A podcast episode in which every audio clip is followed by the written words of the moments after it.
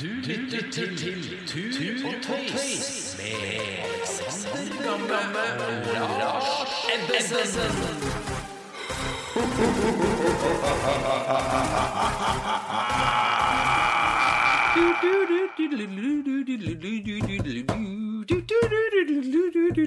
Egentlig så burde vi hatt en premie til den som klarer å catche at det er the theme til Eh, Tur og tøys-podkasten. Ja, ja, ja, men før det Mest eh, tidligere kjent som Som Benny Hill. Benny Hill! Du så jo på Benny Hill. Ja, jeg, Hæ? det jeg så på Benny Ja, jeg, er Hill. helt, jeg skjønner ikke hvorfor jeg så på det, men jeg Nei, tror det var nei. veldig moro en eller annen gang på 80-tallet eller et eller annet sånt. Jeg er usikker på om den hadde kjørt noe særlig høye til seertall i dag. Det er utrolig Nei, enkelt og er lavt. helt, helt patetisk. Ikke så veldig mye med tur å gjøre, i hvert fall. Nei. Lars, eh, vi har en gjest i dag, og vi gleder oss masse. Det har vi. Vi er veldig glad i gjester. Vi har ikke hatt fryktelig mange. Men eh, et sted skal man begynne, og vi begynner jo på toppen. Vi har sneket oss inn. Eh, Vi, har ikke, vi burde jo egentlig tatt med gjesten vår på tur, men han er litt, eh, han er litt travel også, og så passa det ikke så godt med å dra på tur. Nei. Nei. Så er vi på tur. Nei, Nei. vi er ikke på tur. Veldig utur. Hvem er eh, Hvem skal vi prate med? Vi skal snakke med Erling Kagge. Det skal vi. Hvem er Erling Kagge? Erling Kagge er eh, en av de mer profilerte tur- og eventyrere og polfarere eh, i den nyere eh, polarhistorie. Gikk til Nordpolen sammen med Børge Ausland. Gikk alene til Sydpolen. Klatra Everest og ble første til å få alle de tre poler, som de tre kalles, og sånt noe. Han har seilt en masse, seilt over Atlanteren, har seilt i Antarktis. Han har kryssa New York i nede i kloakksystemet under jorden. Han har starta forlag. Han har eh, skrevet en masse rare, underlige bøker som er blitt bestselgere. Eh, og er eh, en fyr med vass tunge og en spennende hjerne. Og så ikke minst så er han en helsikes kunstsamler. Og så er han en kunstsamler toppen av det hele så er han en som har fått kunst til å lønne seg, og kan masse, og er akkurat det han klarer. Han klarer å finne disse nisjene som han blir ekstremt god på, som er litt aparte og annerledes. Vi prater da eh, om en eh, veldig sammensatt person med mange artige, fine, merkverdige tanker oppi hodet. Det, det enhver som driver og tar fra hverandre døde mennesker, kommer til å glede seg til å åpne Erling. Hva Altså. er det du sa? Døde mennesker? Ja, Han er altså, ikke død? Nei, men det skjer vel sannsynligvis en gang. Hvordan er den fyren skrudd sammen? Hvordan er den fyren eh, skrudd sammen? Og vi gleder oss til å begynne å dissekere selveste Erling Kagge. Altså, vi vet jo at alle mennesker som står frem i Se og Hør og hatt de har jo hatt en pyton barndom. Og han, når du hører på Erling, så må jo det ha vært grusomt som barn. Tror du? Ja, derfor, og derfor hopper vi rett og slett over Ja, barndommen, og så går vi rett inn i liksom turuniverset til Erling, fordi det er Det- vi er spesielt nysgjerrig på. Vi er inne i Antarktis eh, spesial, eh, vi er inne i 90-tallet, hvor det skjedde ekstremt mye, og da er jo eh, sydpolturen hans i 92-93 eh, en starten på en, ikke starten, men det er kanskje et høydepunkt i en helt spesiell epoke. Det er det. Velkommen, Erling. Det er en ære å få lov til å komme på besøk til deg. Det var voldsomt, da. Hvor sitter vi, Lars? Vi sitter på Kagge forlag. Eh, var det 123 trinn opp fra gatenivå, eller noe? Det, er, jeg har telt det noen ganger, men eh, jeg kommer alltid ut av tellingen. Men det er jo egentlig bare å ta en etasje ganger med syv. Så det er enklere. Men jeg har aldri kommet så langt. Det er ikke så farlig. Jeg visste nemlig at det var 100 åtte, trinn i hver sånn. Så det er 16 16 trinn ganger syv. Eh. Jeg visste at det var 122, så det er derfor, jeg, men jeg, det er derfor vi måtte resonnere at det måtte jo jaggu være ganske høyt oppe i etasjene. Og vi gikk i trappene. Så på, da vi talte i 122, så gikk vi inn i etasjen under. Vi kom ut av tellinga. Erling, eh, fantastisk artig å få lov til å, å være her. Vi er jo midt inne i en litt sånn Antarktis-spesial, eh, Lars, hvor vi har eh, wrappa opp fra liksom 80-tallet framover, og det passer egentlig superbra å, å få prate litt med deg nå. Det er jo først og fremst Antarktis 92-93 vi er ekstra nysgjerrig på. Eh, Du har vært ute på fantastisk mye artig, og vi skal nok eh, prates igjen om eh, kanskje både Nordpolen og Manhattan og andre typer eventyr. Eh, Men det er jo de tre polene som, eh, som gjorde deg ordentlig kjent. Hvis vi tenker litt på sånne opptaktene til Sydpolen eh, 92-93 kan, kan du ta oss litt inn i forberedelsene? Når fant du ut at du skulle gå? Hvordan fant du ut ruta? Hvordan så siste halvår ut før du, før du reiste? Mm, så lenge siden at jeg husker ikke alt sammen veldig godt. Men da, da snakker vi også at Børge og jeg eh, og Geir Randi, da, vi øh, bestemte oss for at til Nordpolen 90. Og så mm, Etter det så hadde jeg ikke Da jobbet jeg litt i Hydro. Øh, og så, sånn som jeg husker det nå, så en gang på våren 92 så tenkte jeg på Sydpolen, altså Sydpolen alene. Så Da bestemte jeg meg- for å gjøre det i samme sekund som jeg tenkte det. Altså Det å dra på polferd er jo absurd. Først etterpå så tenkte jeg gjennom rasjonelt hvordan det kunne skje. og Hvordan jeg kunne gjøre det. Um, så da var jeg advokatfullmektig i Hydro. Så, så jeg er venn av Sjur Mørdre. Uh, han hadde jo gått til Sydpolen tidligere Ja. Sammen med brutter'n sin og Ralf og Herman. Um, og selvfølgelig um, Tor, Tor, Hallgrim. Hallgrim, ja. Det er lett å glemme fotografen. Det skal jo legges til, dette her er jo 25 pluss, så det er kanskje ikke det du går og tenker på hver dag Nei, ikke eh. Men fremdeles. iallfall, da, da var det naturlig å ta den uh, løypa fra nordsiden av Berkner Island over Berkner og isskjelfen og inn til Polen. Um, og det var jo viktig for meg da, altså, det var spennende å gå til Sydpolen, men det var jo viktig også å gå alene, da. Uh, og ikke ha noe radiokontakt og være liksom helt, uh, helt overlatt til meg selv hele veien. Var det, var det et sånt der punkt altså, øh, Du bestemte deg for å liksom lage forlag når du sto opp med oppvasken en dag. Altså, Var det et tilsvarende punkt du fant ut at fader, jeg må jo gå aleine til Sydpolen? Ja, ja, det var, eh, det var eh, Som jeg sa, så at, at eh, jeg hadde gått og tenkt litt på Sydpolen en stund, men liksom først da jeg tenkte Sydpolen alene, det var da jeg tok avgjørelsen. Og da, det tror jeg ofte er med eventyr, at man, eh, man eh, først bestemmer seg for å gjøre det, og så tenker gjennom etterpå hvordan det kan gjøres. Og så gjør man motsatt rekkefølge, at man liksom sånn begynner å tenke gjennom hvordan ting kan gjennomføres, og hvor mye man kan få til, og legge opp til, og ha tid til, og krefter til så blir det jo ikke noe særlig, særlig spennende turer. Så jeg tror det er viktig å sette målet først, og så forberede seg etterpå. Og tenke gjennom ting etterpå. Men du, det alenegreiene Det var jo ikke akkurat en tid hvor veldig mange var på tur alene på, på den måten der. Og hvor kom det derre at dette må jeg gjøre aleine? Var det en personlig greie eller en utfordringsgreie, eller det, Det var jo Én grunn var jo at, at uh, ingen hadde gjort det før. Så jeg jo, kan si at det er litt sånn usjarmerende kanskje å ha sånn konkurranseinstinkt i naturen, men, eh, men det har man innimellom. Eh, Så det var én ting. En annen, var jo at det var jo veldig spennende å gå alene. da. At det så egentlig sånn eh, Naturopplevelsene er jo sterke når man er to, men du blir enda sterkere alene.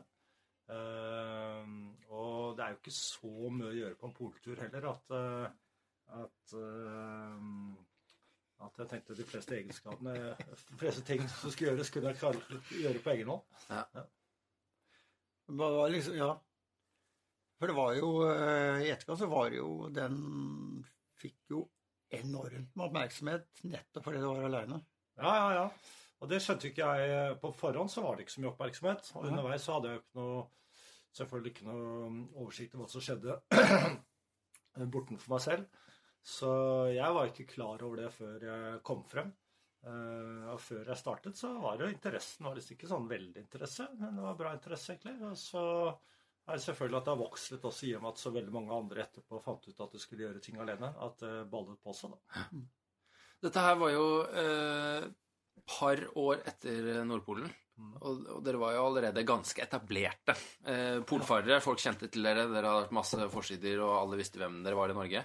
Hvordan var liksom, Hvem var sponsorene til den der Sydpolturen? Eh, var, det, var det liksom Var det like mye kamp eh, altså, Nordpolen? Det er riktig at det kjente til oss, på en måte, men jeg kan si sånn at at uh, fra sånn 60-tallet med, med, med Bjørn Steib og en del andre sånne, så skjedde jo ikke så veldig mye i norsk ekspedisjonsverden, egentlig.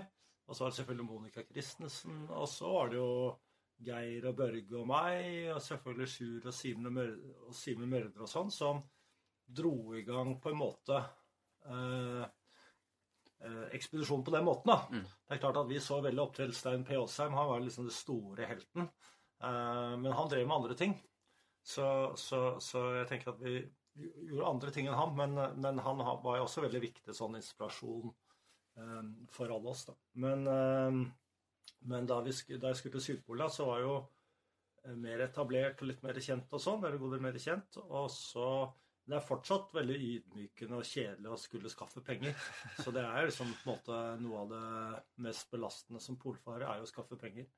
Eh, Men, men den gangen så var det Hydro Aluminium som, eh, som var klient av meg som advokat, som ble sponsoret. Og det, men det var en eh, Det var ikke bare bare det, fordi Hydro Aluminiums sjef, han sa nei, husker jeg. Og sjefen i Hydro den gangen sa nei. Så var jeg litt foretaksom, og så spurte jeg et datterselskap Hydro hadde i, i Sveits, som også var en del av aluminiumsgruppen, om de ville sponse. Og så svarte de ja. Og så inngikk jeg avtale, og så da ble jo selvfølgelig de sjefene i Oslo veldig oppgitt over at eh, Du hadde fått nei to jeg- andre steder. hadde- Du var At det var såpass mye initiativ i Hydro, trodde det ikke vel. Så da, men, eh, men så gikk det jo bra, da. Og da, da kjært barn har mange fedre, som, som det heter. Så da var, jo, da var jo veldig mange fornøyde. Du, det er jo en annen historie som eh, fra starten av denne turen her som er, eh, jeg vil kalle det, litt sånn legendarisk. Altså, det er jo disse her eh, radiobatteriene eh, som du da velger å legge igjen. Kan ikke det, kan, dra oss igjennom tankegodset ditt? altså, hele opplegget var jo at, var jo at øh, øh, Tanken var jo å ikke, ikke ha radiokontakt og være alene. Mm. Og det var liksom en helt liksom, egentlig, ikke en forutsetning, men det var jo viktig ved det å være alene. Uh, var jo ikke kunne, ikke kunne snakke med noen. Og så ble jeg pålagt av øhm, både av Hydro Aluminium, øh, på en hyggelig måte, da, og flyselskapet som leide flya, at jeg måtte ha med radio. Eh, og det Jeg ville jo ikke snakke på radio. Men jeg ville jo ikke ta den diskusjon med dem heller. Eh, fordi da risikerte jeg at de ikke ville fløyte meg ut eller kommet med penger. Så derfor gjorde gjorde jeg det på min måte. Så for å ikke belaste noen mer enn nødvendig, så sa jeg det ikke til noen. Så Kjell Ove Storvik, som var sånn, satt der nede i Antarktis og, og kalte meg opp hver dag på radioen uten å få svar. Han lurte nok fælt. Men det var, var, var, det ingen som visste? det? Altså, De måtte jo vite det, de som da Var det ingen som fant batteriene? Eller altså, du tok ut batteriene Ja. Du tok med deg radioen, Jeg tok med radioen ja. men du la igjen batteriene? i søppelkassa. For det var det jo ingen som krevde, eller hadde sagt. Nei, men altså, det var ikke Det var jo ikke Nei, så jeg sa det ikke til må jeg tenke meg, nei, jeg sa det ikke til noen selv, selv ikke til Kjell Ove. For problemet med å si til Kjell Ove, da ville jo han vært Da ville jo han vært eh, medansvarlig. Og det har vært en eh, urimelig belastning på ham. Så det var egentlig litt sånn medmenneskelig, kameratslig hensyn. Så du gikk da og slepte med deg Altså, vi prater ikke en liten sånn der eh, Nei, 300 grams Litt over eh, kilo den tror jeg. ganske, ganske fristende å grave ned den. Nei, det var ikke det. Det gikk jo, også sånn, det gikk jo raskere enn jeg trodde den turen der. Så var jeg liksom Jeg hadde mer enn nok med mat og Så det var selvfølgelig jeg kunne klart meg bedre uten å ha på med radioen, men jeg tok noen ganger med, da. Du, du, du sa jo eh, du, du var litt innpå det at du, du prata ikke så høyt om eh, turen før du reiste. Altså Var det sånn Var du litt redd for at det skulle dukke opp en skott? Altså Nå begynte jo Det begynte å skje veldig mye på ekspedisjonsfronten på begynnelsen av 90-tallet. Dere hadde vært på Nordpolen. Sjur og gjengen hadde vært over i Antarktis. Det begynte liksom å åpne seg opp med ALE, da, som begynner å få logistikk på Ja, plass. Altså, eh, Var du på tanken? Altså, var det sånn, Kikka du til høyre og venstre og lurte Ja, ja, på om det var noen andre? Det hadde jeg glemt, men det er riktig som du sier at eh, jeg var litt eh, Jeg ikke si jeg var engstelig, men jeg var litt, jeg, litt grann engstelig for at noen andre skulle prøve på det samme. Um, ut, og det, dette er jo før internetts tid, Så det, det, kunne noen ha gjort uten at det hadde kunne til og med stått om det i avisen i New Zealand. Uh, uten at jeg hadde fått med meg. Så, så jeg tenkte litt på det. Og jeg hørte også at det var noen, en annen som skulle gå alene, men det var det ikke. Så uh, ja, jeg hadde det litt i bakhodet. Jeg tenker nå, 25 år etterpå Du har jo fortalt om turen, du har skrevet om turen. Men den, jo, den er jo en del av deg. Mm. Det, den følelsen sitter du jo med. Altså, den er med å definere deg og en hel uh, veldig travel uh, ekspedisjonstid det halvåret der. Hva, er liksom, hva sitter igjen i deg av den turen i dag? Hva husker du best? Hva er liksom det viktigste kanskje dro deg? Nei, jeg tror helt riktig som du sier det der at uh, Som det heter i diktet også, at We are a part of all that we have met. Um, så det ble en veldig viktig tur for meg. Um, det jeg sitter igjen med, det tror jeg er, er um, Altså det å ha mestret det og gjennomført det, at det, det var, gjorde meg veldig godt, rett og slett. At det var uh, Da tenker jeg ikke bare på sånn selvbilde eller sånt. Jeg liksom mer på at det, sånn, det, ga meg en ro egentlig å ha gjennomført den turen. Så det var sunt, sunt sånn mental helse. Ehm, så naturopplevelser og sånt, og det har jeg sittet i veldig siden. At det ble mye sterkere i og med at jeg var alene. At man liksom bare mer og mer grodde inn i naturen. At kroppen ikke stopper ved fingertuppene, men at den fortsatte utover eh, eh, viddene, isen og snøen helt ut til horisonten og forbi den. Eh, og så eh, jeg tror det kanskje er det viktigste. Ja. Og så gikk det mange år uten at jeg tenkte noe særlig på det. Var egentlig lei av å prate om det. Men, uh, men nå de siste årene så har jeg jo skrevet om det også nå. Og det er klart at sånn med stillheten her, å ha den stillheten i Antarktis som sånn erfaring i livet, altså en referanse overfor andre mennesker når jeg skriver og, og prater om stillhet, det, det har vært en uh, kjempefordel. Fordi den stillheten du opplever i Antarktis, er jo så mye dypere og bredere og liksom mer, mye mer omfattende uh, enn en, en, stillheten ellers. Er du glad for at du gjorde den turen før Iridium og satellittelefonen? Og... Ja, ja, ja. Altså, ja, for meg altså, Alle må jo gjøre det som de ønsker, men for meg så var det egentlig veldig fint å ikke ha kontakt med omverdenen. Og jeg tror også at um, det er lett å tro at det er en stor fordel å liksom kunne snakke på telefonen og sånn når du er alene. Men jeg tror at for mange er det feil. Jeg tror at det er en fordel å ikke snakke. Fordi eh, hvis du går til Nordpolen eller Sydpolen, og så ringer du kjæresten din eller foreldrene dine eller noen venner eller et eller annet en gang om dagen eller en gang i uken, så blir man jo først minnet om den verden, og så da blir jo savnet eventuelt større. Men så handler jo sånne samtaler om sånn, hva samtaler ofte handler om. Da, at er En regning som ikke er betalt, eller en oppvaskmaskin som har gått i stykker. Og det, altså, og det er jo helt utrolig at liksom, når du endelig har kommet deg bort fra alt sammen, at du skal da sitte og prate med mennesker om sånne trivielle ting, når du egentlig kan nyte naturen og, ja. og slite deg ut underveis. Liksom sånn, og det å fryse, og det med vind og slit og smerte det er noe av poenget, og ensomheten det er noe av poenget med hele turen. Så hvis man liksom sånn forringer den dimensjonen, så tror jeg liksom sånn at det er en ulempe. Så jeg tror, jeg tror ikke det altså jeg tror ikke det er noe vanskeligere å gå på lang tur uten å ha radiokontakt, eller tvert imot. Jeg tror jeg, for meg var det en fordel. Hvordan var det å nærme deg Sydpolen da, og plutselig visste at du skulle inn i, inn i sosial setting igjen? Jeg gledet meg ikke til det i det hele tatt. Jeg så jo frem til å komme til polpunktet og sånn, men jeg hadde jo mat igjen og var i ganske god form, egentlig. Så, så jeg var glad da jeg kom frem. Det var rart å begynne å prate igjen, for da hadde jeg ikke pratet på 50 døgn. Ja, Men prater du ikke med deg sjøl heller? Nei. Gjør du ikke? Nei. Men Det gjør jeg hele tida. Ja, det kan jeg tenke meg. ja, men altså, altså, Å prate med seg sjøl er jo bare eh, tenkte tanker som kommer ut. Altså, ja, ja. Hvor, hvor, hvor, stille må det være før du hører dine egne tanker? Ja, altså beste syns jeg er altså, eh, altså, Jeg holdt jo ikke kjeft hele turen, jeg holdt stort kjeft, kjeft hele turen. Og, og, det fineste med å gå på tur er jo å ikke tenke. Uh, For det tenker man, så tenker man jo bakover i tid eller fremover i tid. Og da forlater man jo litt på en måte den situasjonen man er i. da. Så jeg syns det beste med å gå, altså grunnen til at det er deilig å gå, særlig på ski, da, men også på bena, eh, fremfor å løpe eller sitte stille, er jo at man beveger seg, og da blir man jo beveget. altså at det er liksom sånn, Grunnen til at de to ordene 'bevege' og 'bli beveget' er like, er jo at det er mye av den samme opplevelsen. altså Man har det samme på engelsk 'to move and to be moved', og til og med på sanskrit, altså, som er mange mange tusen år gammelt språk, så har man likheten her. Så det, så det handler liksom om, om, om, å være til stede i sitt eget liv, da. Uh, og ikke leve gjennom andre og annet. Og da tror jeg det er fint å ikke tenke for mye. Så um, Min erfaring å gå til Sydpolen var at uh, det fineste stundet var når jeg ikke tenkte.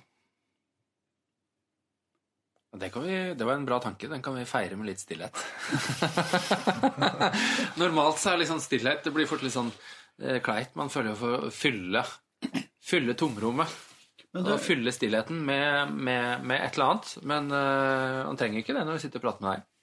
Men, men, er, det stille på, er det stille på radio, så tror folk det er krig. Så er det for ja. Men du, på, på vei til Nordpolen Husker jeg feil når, når, dere hadde en stille periode på vei til Nordpolen nå? Nei, riktig. at uh, Vi hadde en sånn uh, Argos-sender, het vel det. Mm. Uh, så sendte du signal ut til omverdenen kanskje hver sjette eller tolvte time eller sånn om posisjonen vår. Og så kunne vi vri på en bryter, og da ville det være SOS.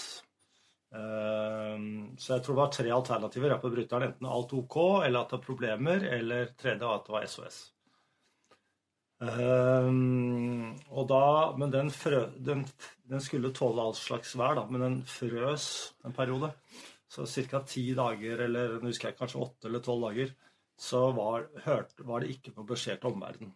Så det var jo dramatisk for de som var hjemme, da. For Børge og meg var det ikke noe dramatisk, de visste jo ikke. Men, eh, men eh, da, da, var det altså foreldre også var selvfølgelig kjemperedde. fordi måten en sånn sender sluttet å virke på, var jo at den var under vann. At, eh, at Og da var Jakob Beidemann, som var sponsor for oss, at han ga oss 50 kolorert, håndkolorerte trykk som vi solgte.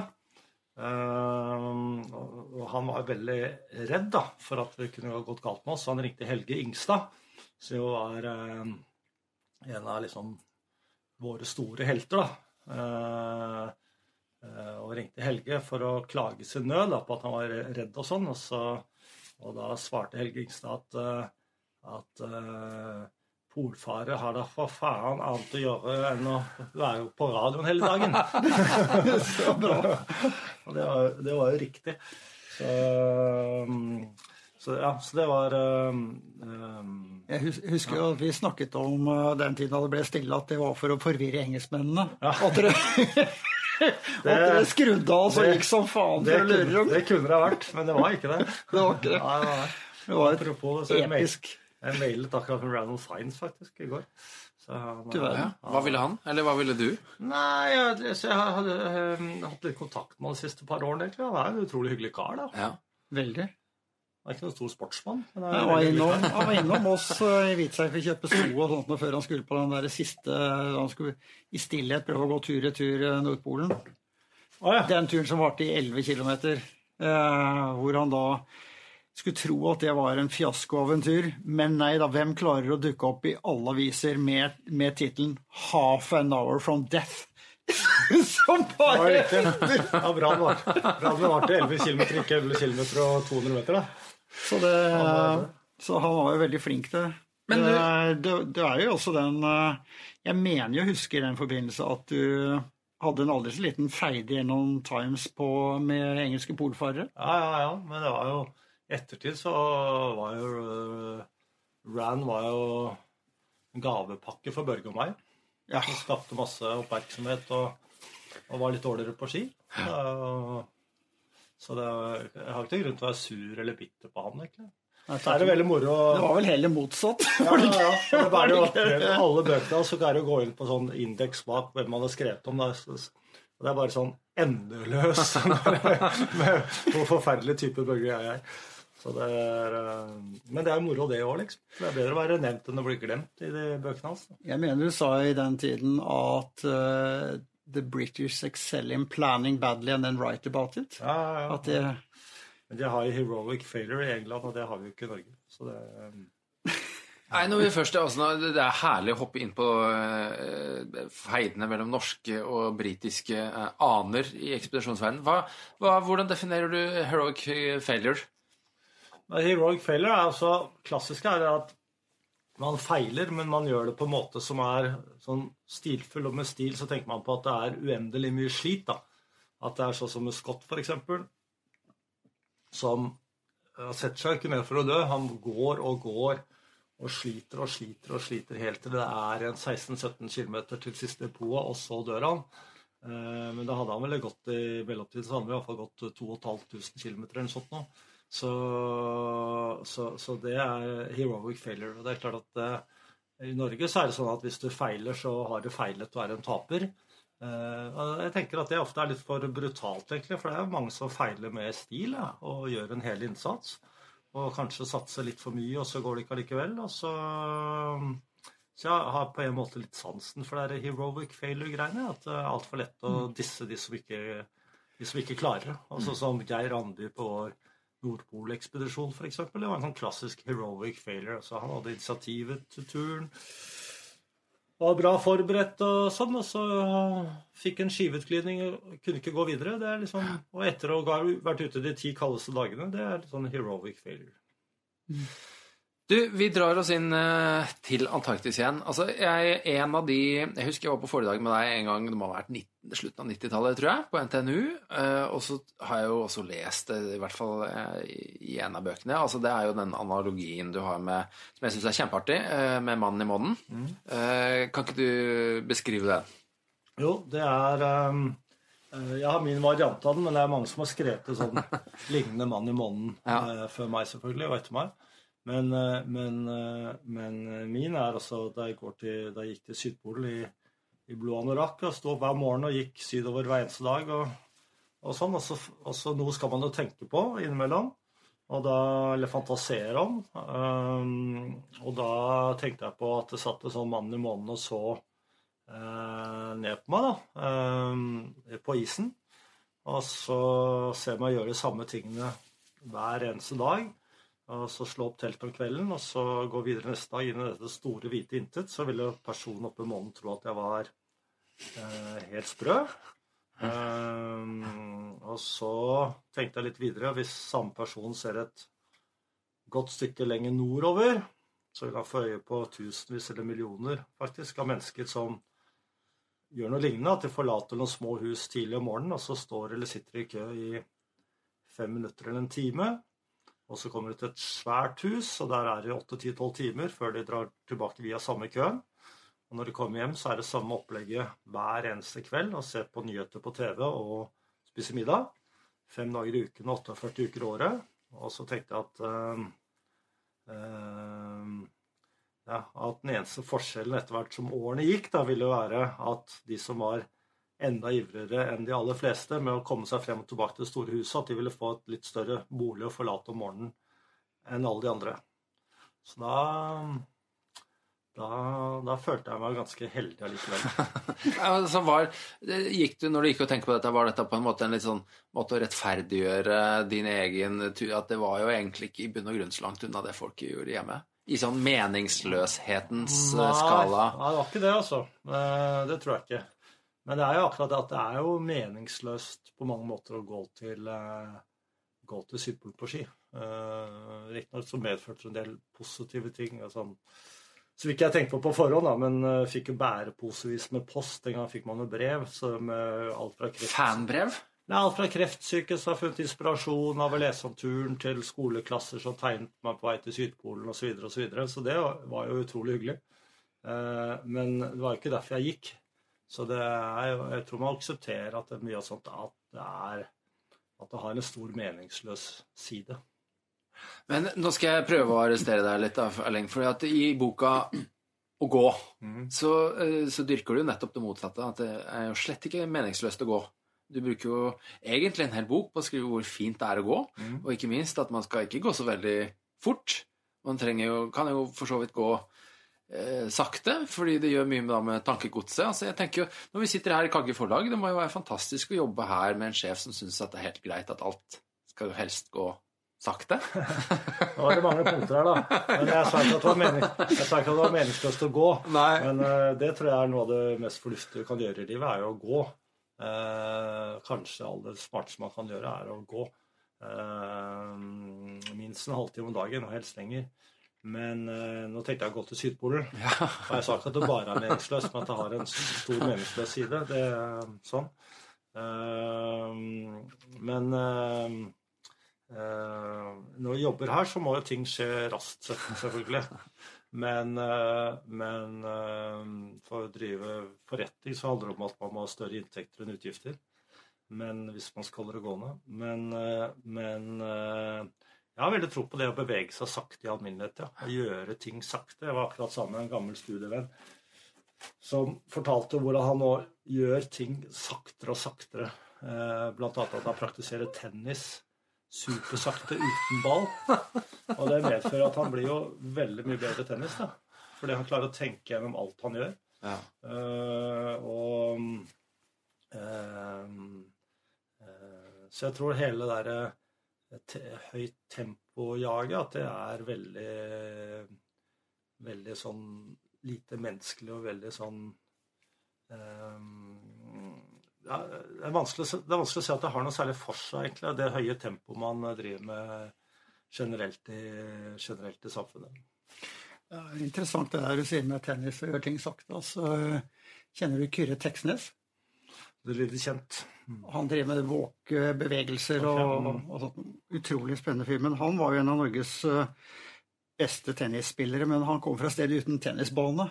Så Hamar. Han, ja, Han er fra Hamar. Hamar, ja. Ja, ja, Så han drev og, og praktiserte tennis uten ball og bare Ja. sto og memorerte det og gjorde det. Det var liksom litt av det greiene som fikk han opp på et toppnivå. Det er hele den der biten der. Så det er fantastisk spennende. Du ligger på sengen og tenker på Jeg driver med hypnose, og selvhypnose. Tenker på ting du skal gjøre, og hvordan du skal gjennomføre det. Klart Når du endelig begynner med det, så går det mye bedre, selvfølgelig. Ja.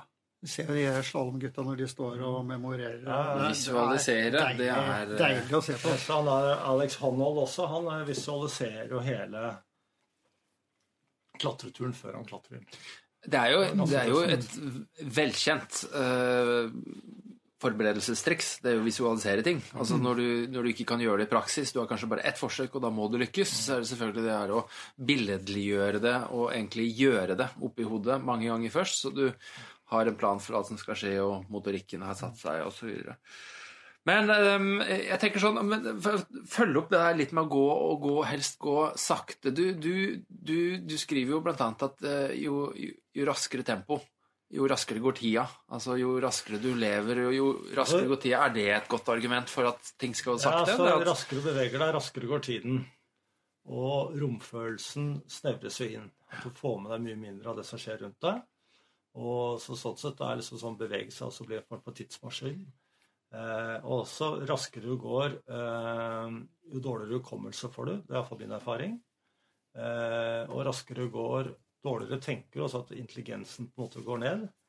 Og, eh, men selvfølgelig skal jeg liksom gå fra noen ubehagelige følelser, eh, så er det smart å gå fortere. Eh, og det er klart at det å gå av seg dårlige, dårlige opplevelser, det funker jo. Man kan jo gå fra problemene sine, det er klart det. Eh, ikke alle, men mange. Eh, så, så det med tempo eh, har mye å si når det går. Eh, men generelt, altså hvis man skal liksom tenke, erkjenne, føle, erfare, få med seg ting, så må man gå sakte. Jeg tenker Hvor, Hvor sakte er sakte? Det vet jeg er opp til og terreng opp til en selv. og sånt, men mer at er liksom, tenk mer sånn sakte sånn i motsetning til å gå veldig fort. da. Også, og det verste er selvfølgelig å sånn kjøre bil, fordi da, da, da opplever man jo ingenting uh, underveis. Eller nesten ingenting. Man opplever jo aldri ingenting, men nesten ingenting. Uh, og så er det at folk føler at de har så veldig dårlig tid.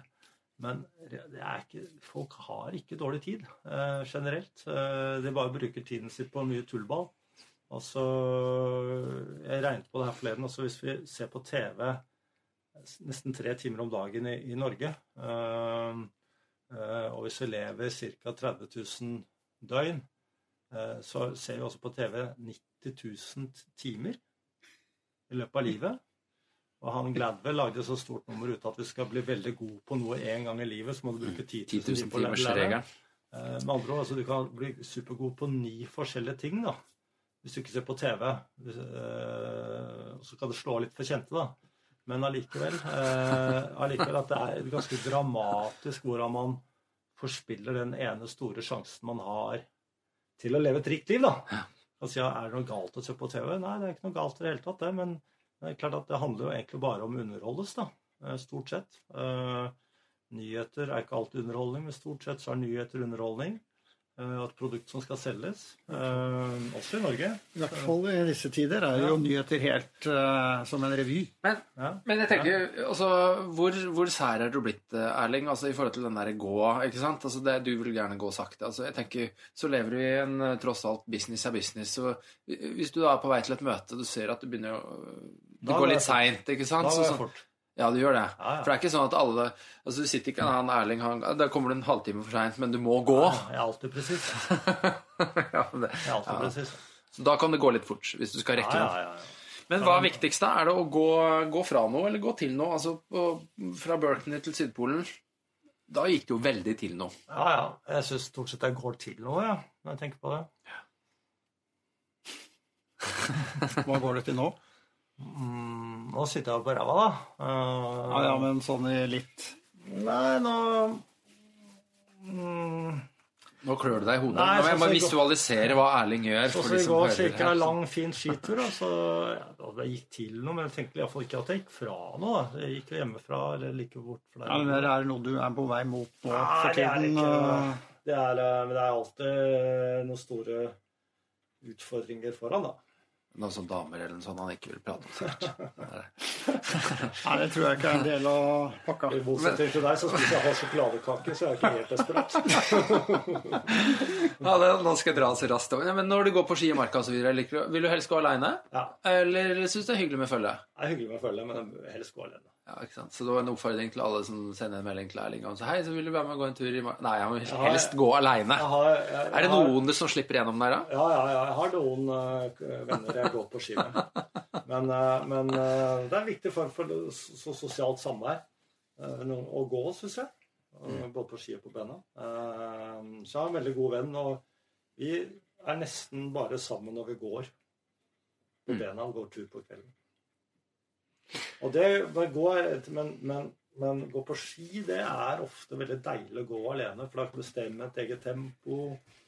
Og ja, stoppe når jeg vil. og uh, Syns det er fint. Så vi går sånn fire og en halv, fem timer og bare eget tempo. Helt fantastisk. Steiket av, det er mer enn det jeg eh, fikk gjort. Men, uh, men nok om det. Eh, tilbake til Antarktis. Altså eh, Et kontinent og en tur med en øredøvende stillhet. Hva, hva er stillhet? Altså Er det bare fravær av lyd? Eller du har jo, I boka så har du prøvd å finne tre Eller du har funnet 33 svar på hva stillhet egentlig er. Hvis du skal plukke ut uh, ett av de svara, hvilket svar er det beste? Altså, stillhet, stillheten er jo deg selv. Eh, Det er det som er spennende med stillheten, at det er stillheten man finner seg selv. Altså den indre stillheten. Eh, Og hvis du tror på Gud, så finner du Gud der òg. Så det er det spennende med stillheten. Eh, Men som du spurte om eh, hva stillhet er i forhold til lyd, så tenker jeg at stillhet er ikke det motsatte av lyd. Eh, Eller jeg tenker på stillhet som eh, fravær av eh, forstyrrelser. Altså sånn forstyrrelse som du får fra telefonen din eller fra eller annen sånn skjermbrett eller en PC, eller mennesker som spør om ting, eller forventninger du har om at noe skal skje eller ikke skal skje. Og så kan det selvfølgelig også være lyder. Men eh, det tenker jeg på som støy. Eh, eh, distraksjoner. Det tenker jeg på som støy. Det kan også bare være tanker, som vi snakket om i sted. At man tenker for mye. At det også er for for støy. Og da tenker jeg på stillhet, så tenker jeg på det motsatte av alt det. Og så tenker jeg også at det blir aldri 100% stille eller 100 støy. Eh, Så det er et sted som mellom 0 og 100 grader av det. Eh, Men det er jo det er viktig med stillheten. Og stillhet, så er det selvfølgelig stillhet rundt deg, som var fint i Antarktis. Men det er den stillheten du da klarer å hente frem inni deg selv, da, som er den interessante stillheten. Den stillheten som er der hele tiden, som du ikke trenger noen teknikker eller sånt for å komme frem til. Altså yoga, meditasjon og mindfulness er bra greier. Men da må man ha en teknikk. Eh, men den stillheten jeg skriver om, og man opplever når man går til Sydpolen, er jo en sånn stillhet som er der hele tiden. Er ikke det også en teknikk for å finne den stillheten? Å gå til Sydpolen? Altså, Ja, ja, jeg tenker ikke på det som det. Man kan mange. jeg er enig med deg, Alex, at man kan tenke på det som teknikk, men jeg gjør ikke det, da. Jeg tenker at eh, sånn som i går da jeg gikk på ski, så ikke hele turen, men store deler av turen, så er jeg i kontakt med den indre stillheten, bare fordi eh, det å gå er veldig, veldig fint, da. Og særlig å gå diagonalgang på ski, at da kommer man lett i kontakt med den stillheten. Altså som Tor Gotaas eh, sa, at eh, i India driver de med yoga, og på Jamaica har de reggae, men vi har diagonalgang. Og det er noe i det, så at eh, da kommer man i kontakt med seg selv. Men er, tenker du at det, det her med å finne stillheten, er det et hverdagsmål? Og eh, er det noe som kommer litt sånn når man blir voksen og reflektert?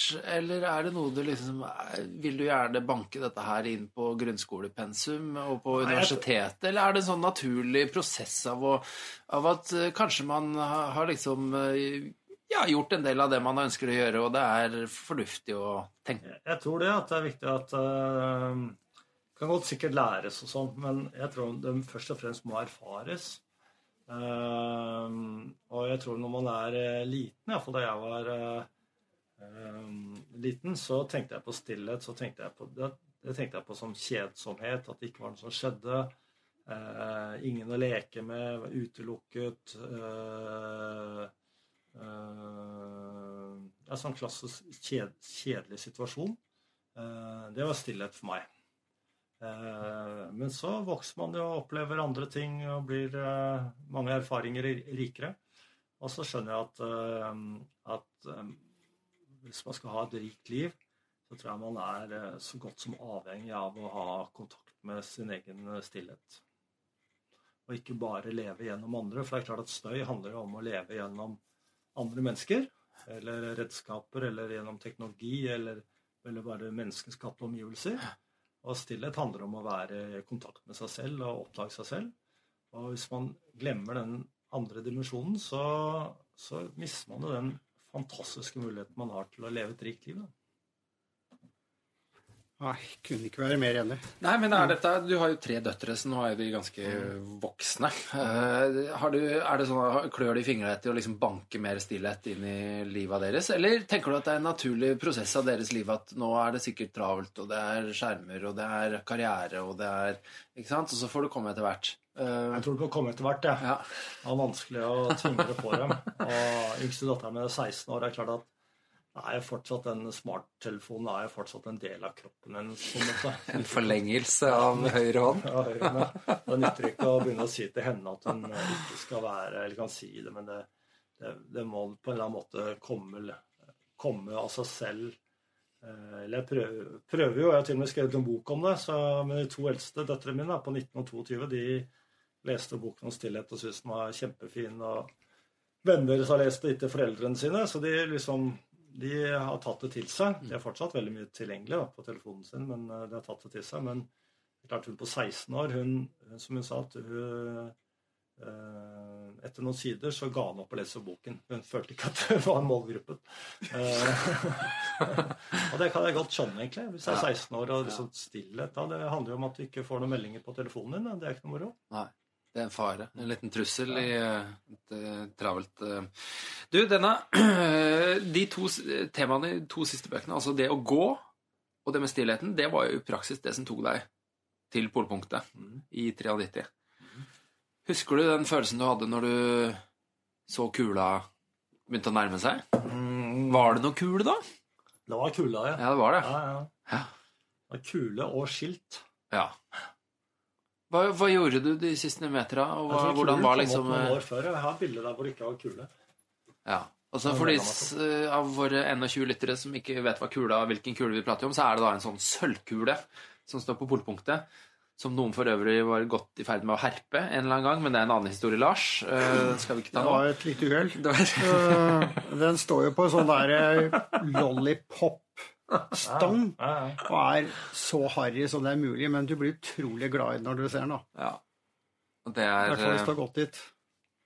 Men etter, etter denne du klappa kula på hodet eh, Du hadde landa både Sydpolen og Nordpolen.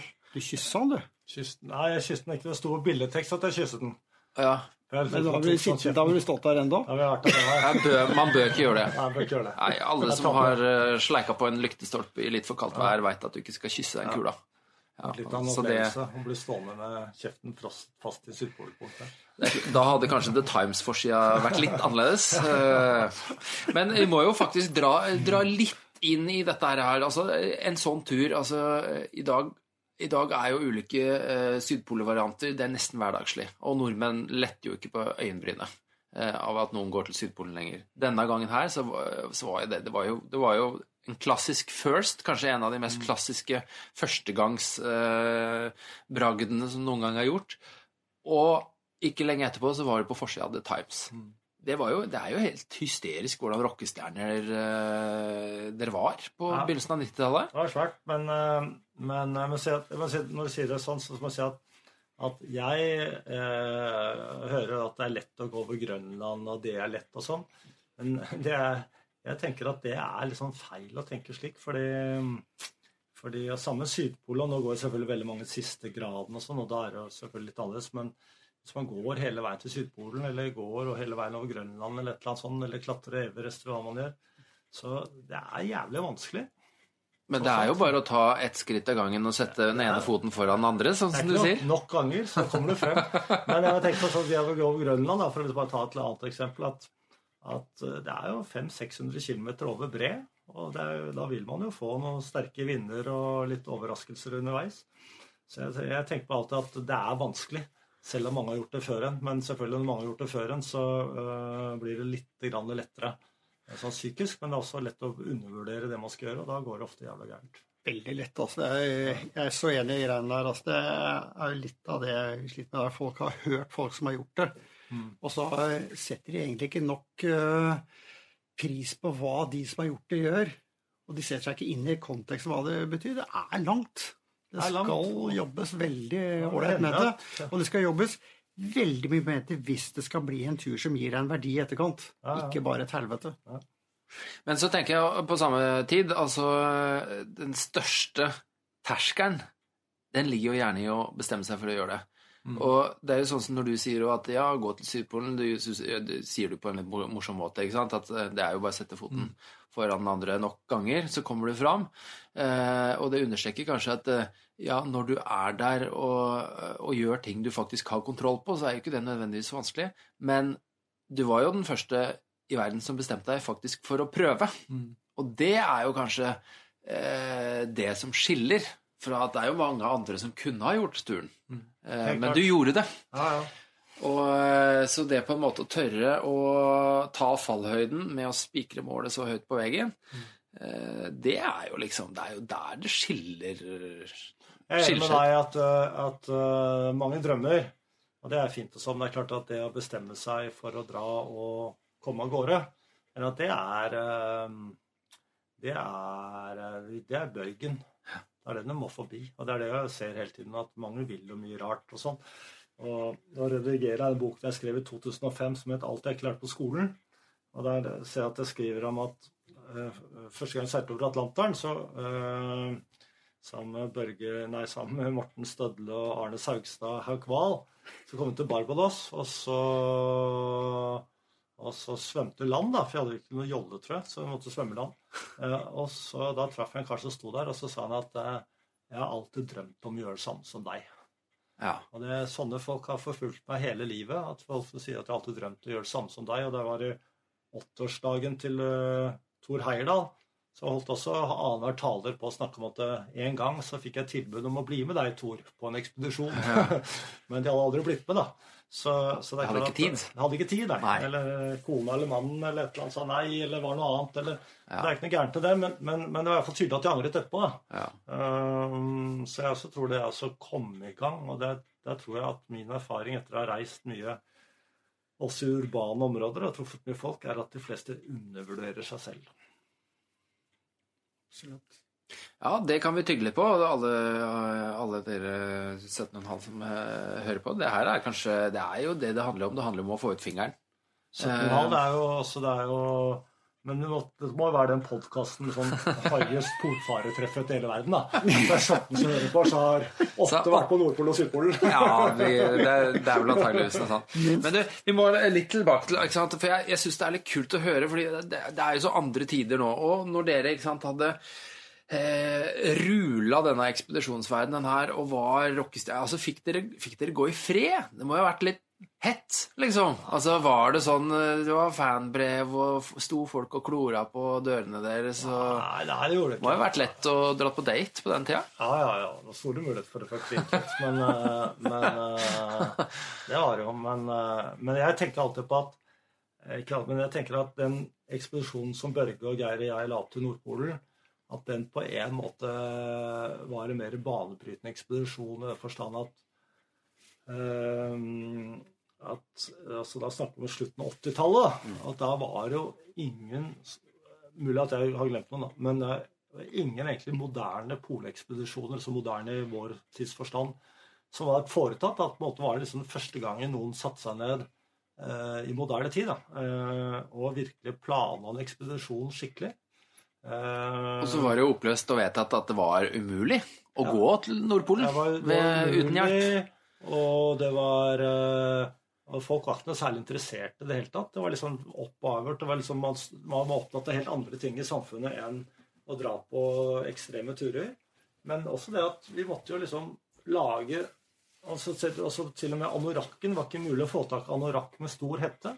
Eh, slik som selvfølgelig Amundsen og alle disse her sydde til seg selv. At eh, vi gikk og, og, og, skulle få tak i eh, bare helt vanlig utstyr, så måtte vi få det sydd spesielt.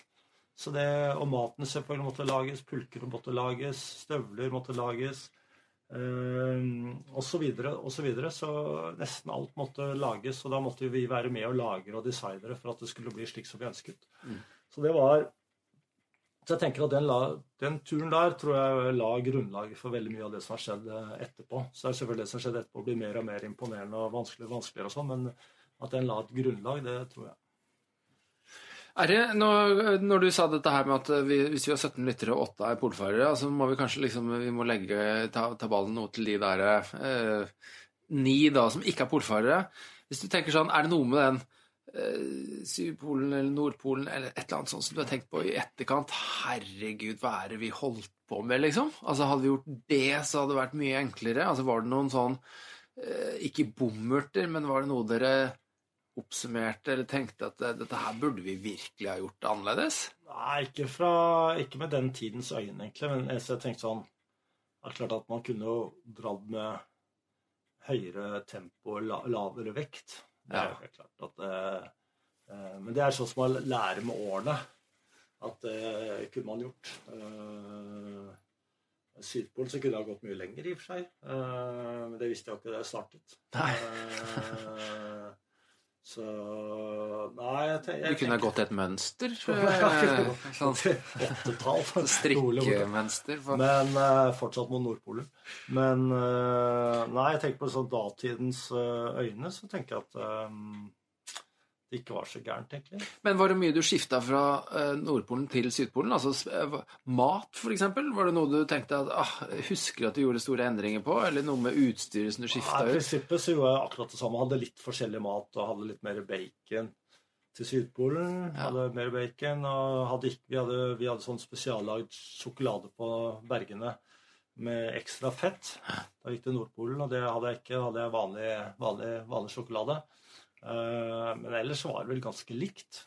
Og så var det selvfølgelig at det er flatt stort sett, da, så jeg hadde litt, eh, hadde litt andre ski. Kanskje hadde litt lengre ski, husker jeg ikke, men iallfall andre støvler.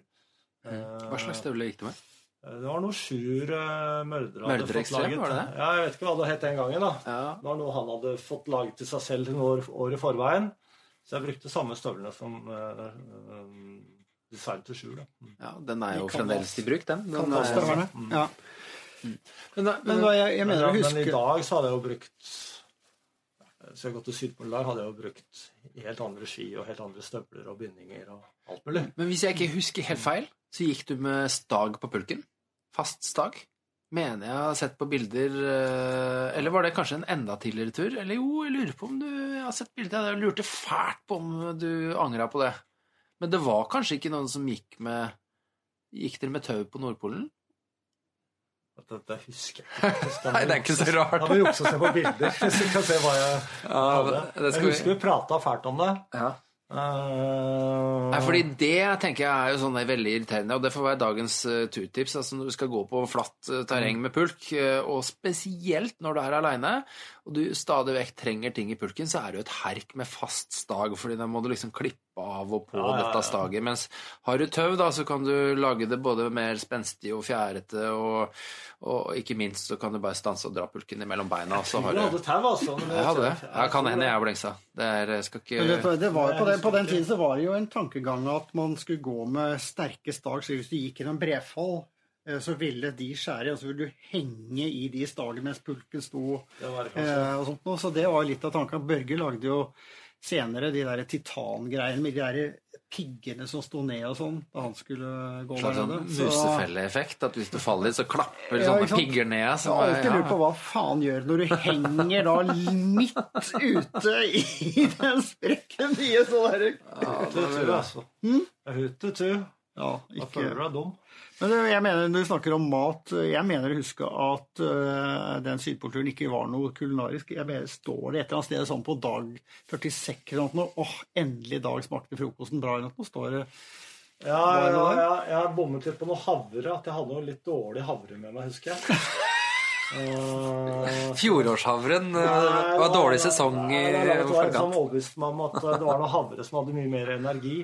Ja. Så jeg hadde en del av den havren med, og den, den smakte aldri noe godt. Eh, Men ellers så blir jo maten bare bedre og bedre på sånn tur, så jeg har ikke noe dårlig matminne rundt at den der havren husker jeg var eh, Den var litt vond å svelge før jeg ble skikkelig sulten. Uff.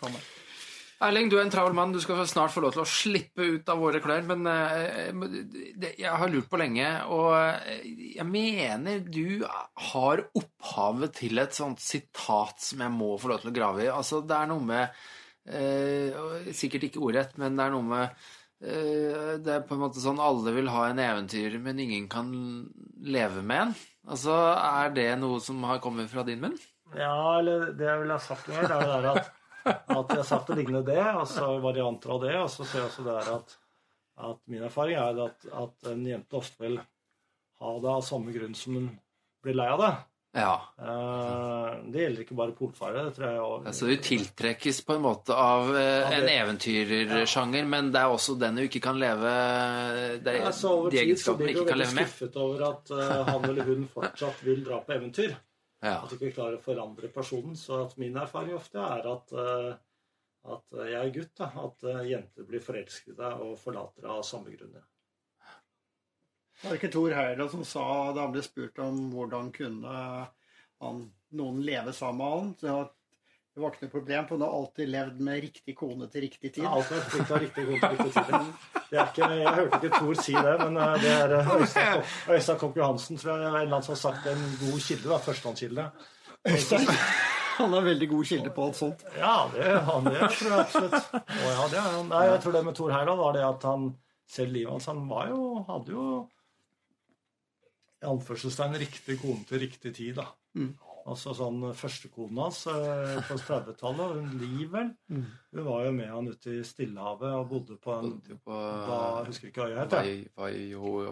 Et eller annet sånt noe. Og var jo med han og støttet han der hele veien. Og, og, og så siden ble det en annen kone, og så videre og så videre. Ehm, så eh, eh, Thor var vel ikke så flink til å men etter hvert som året gikk, så var han ikke så flink til å fortelle at kona med på den turen. det høres nesten ut som vært der alene. Men det var ikke så bra. Men Erling, er du en eh, vanskelig mann å holde ut med? Altså, Da kan du velge sjøl om du tolker deg inn i samlivet eller på tur. Uh, Iallfall ikke på tur. Der, der er du ikke lett å ha med å gjøre. Jo, jo, det der er du det, det er ideelt ideelle å ha med på tur. Ja, Da kan vi bare oppsummere med det, det vi vil på den andre fronten. Ja, det er så, altså, Da må vi spørre andre også. Men jeg tror hvis du spør de jeg har vært på tur med, så stort sett så tror jeg at eh, at eh, de syns jeg har vært en bra kar å ha med. Helt til slutt, har du sett Amundsen-filmen? Ja, ja, ja. Du, eh, Da er vi veldig nysgjerrige. Hva Terningkast, og hva syns du? Jeg syns at Jeg syns det var aldri kjempemoro på filmen, jeg. Jeg er en stor Amundsen-fan. Eh, Altså, Nansen, jeg er stor Nansen-fan òg, men Nansen var nest best i alt, og det var ikke dårlig. Men uh, Amundsen var god i én ting, og der var han til gjengjeld tidenes beste. Så, Og det var Å være polfarer. å planlegge de? Det var ikke Planlegge, liksom ja, ja, spesielt. Planlegge, Og gjennomføre. Planlegge, planlegge og Ja. gjennomføre og sånt. Der var han jo tidenes beste. Så Nei, jeg likte filmen veldig godt, jeg. Så um, eneste jeg tenkte jeg så filmen, at det burde kanskje vært en TV-serie. Eh, Når jeg skal ta hele livet der, så i stedet for at det skal være drøyt to timer hva filmen var for noe, så burde det egentlig vært en syv timers TV-serie. Og har tatt det litt eh, skikkelig. Eh, Så kanskje, kanskje lager eh, Espen, han regissøren, kanskje lager han en TV-serie ut av det lignende. Det har vært helt fantastisk moro. Det hadde vært. Det var, det var veldig mye som ikke kom, fikk plass hvis du ikke fulgte ordentlig med. altså. Ja, det var, men det var overraskende. Så fikk, det var, på en måte var det for mye som fikk plass i filmen. Fordi lage spillefilm og helt liv, at det er uh, veldig krevende. Men, uh, men uh, lese sånn anmeldelse i Aftenposten og sånn, så er det bare helt stakkarslig, liksom. Altså, det er så moral, Eller var det Stavanger Aftenblad? Jeg husker ikke så moralsk oppgjør om det var riktig å lage film om Amundsen eller ikke. Men da er du liksom helt bak mål. Da. Altså, jeg mener de kritikerne som så det der og begynte liksom sånn Da jeg gikk inn i filmen og tenkte jeg de kommer garantert til å begynne med slutten. Og hva skjedde? Jeg mener, når du klarer å sette Ja, noe Var og det sånn, Lars, lage at det til du- tema i det hele tatt I løpet av fem minutter så var det en egen sånn uværssky i kinosalen over hodet der hvor du satt og kikka, fordi at du Nei, jeg sa ikke Nei. det, men kritikeren i VG eller noe ja. sa det. Nei, jeg, jeg Ja. koste meg. Jeg var For, for ingen av lesere er det interessant hva anmelderen tenkte. ja, imponerende hva de klarte å få inn. Altså. Åpningsscenen er kanonbra. Det Børge Jeg husker jeg, satt, jeg så den sammen med Børge, og han sa etterpå Amundsen hadde aldri dødd sånn, bare sittet der sånn. Det var det eneste Han hadde holdt på med noe til slutt. Ja, Men han, gjorde, han døde jo ikke sånn heller. For han øh, eh, Ser på Sjøfartsmuseet, så ser man jo Det er, det er vel der tanken på Det er flottøren på flyet her. Ja. Der ser du at de har sånn sett nødlandet, og så har de bygd opp den flottøren til eh, Nei, tanken til å bli flottør. At de har ødelagt en av flottørene på flyet. Eh, Så, så, så det var mye mer dramatisk sånn sett. At eh, de Mye prøvde, prøvde å redde livene sine. Garantert. Helt til slutt, hvem eh, ville du eh, valgt til å være regissør på en eh, dokumentarserie om ditt liv? Roald Amundsen. Så bra. Da får vi det, la det være nok. Tusen takk for tida di, Erling. Og så eh, lykke til videre. Fortsatt god tur. Da setter vi i camp.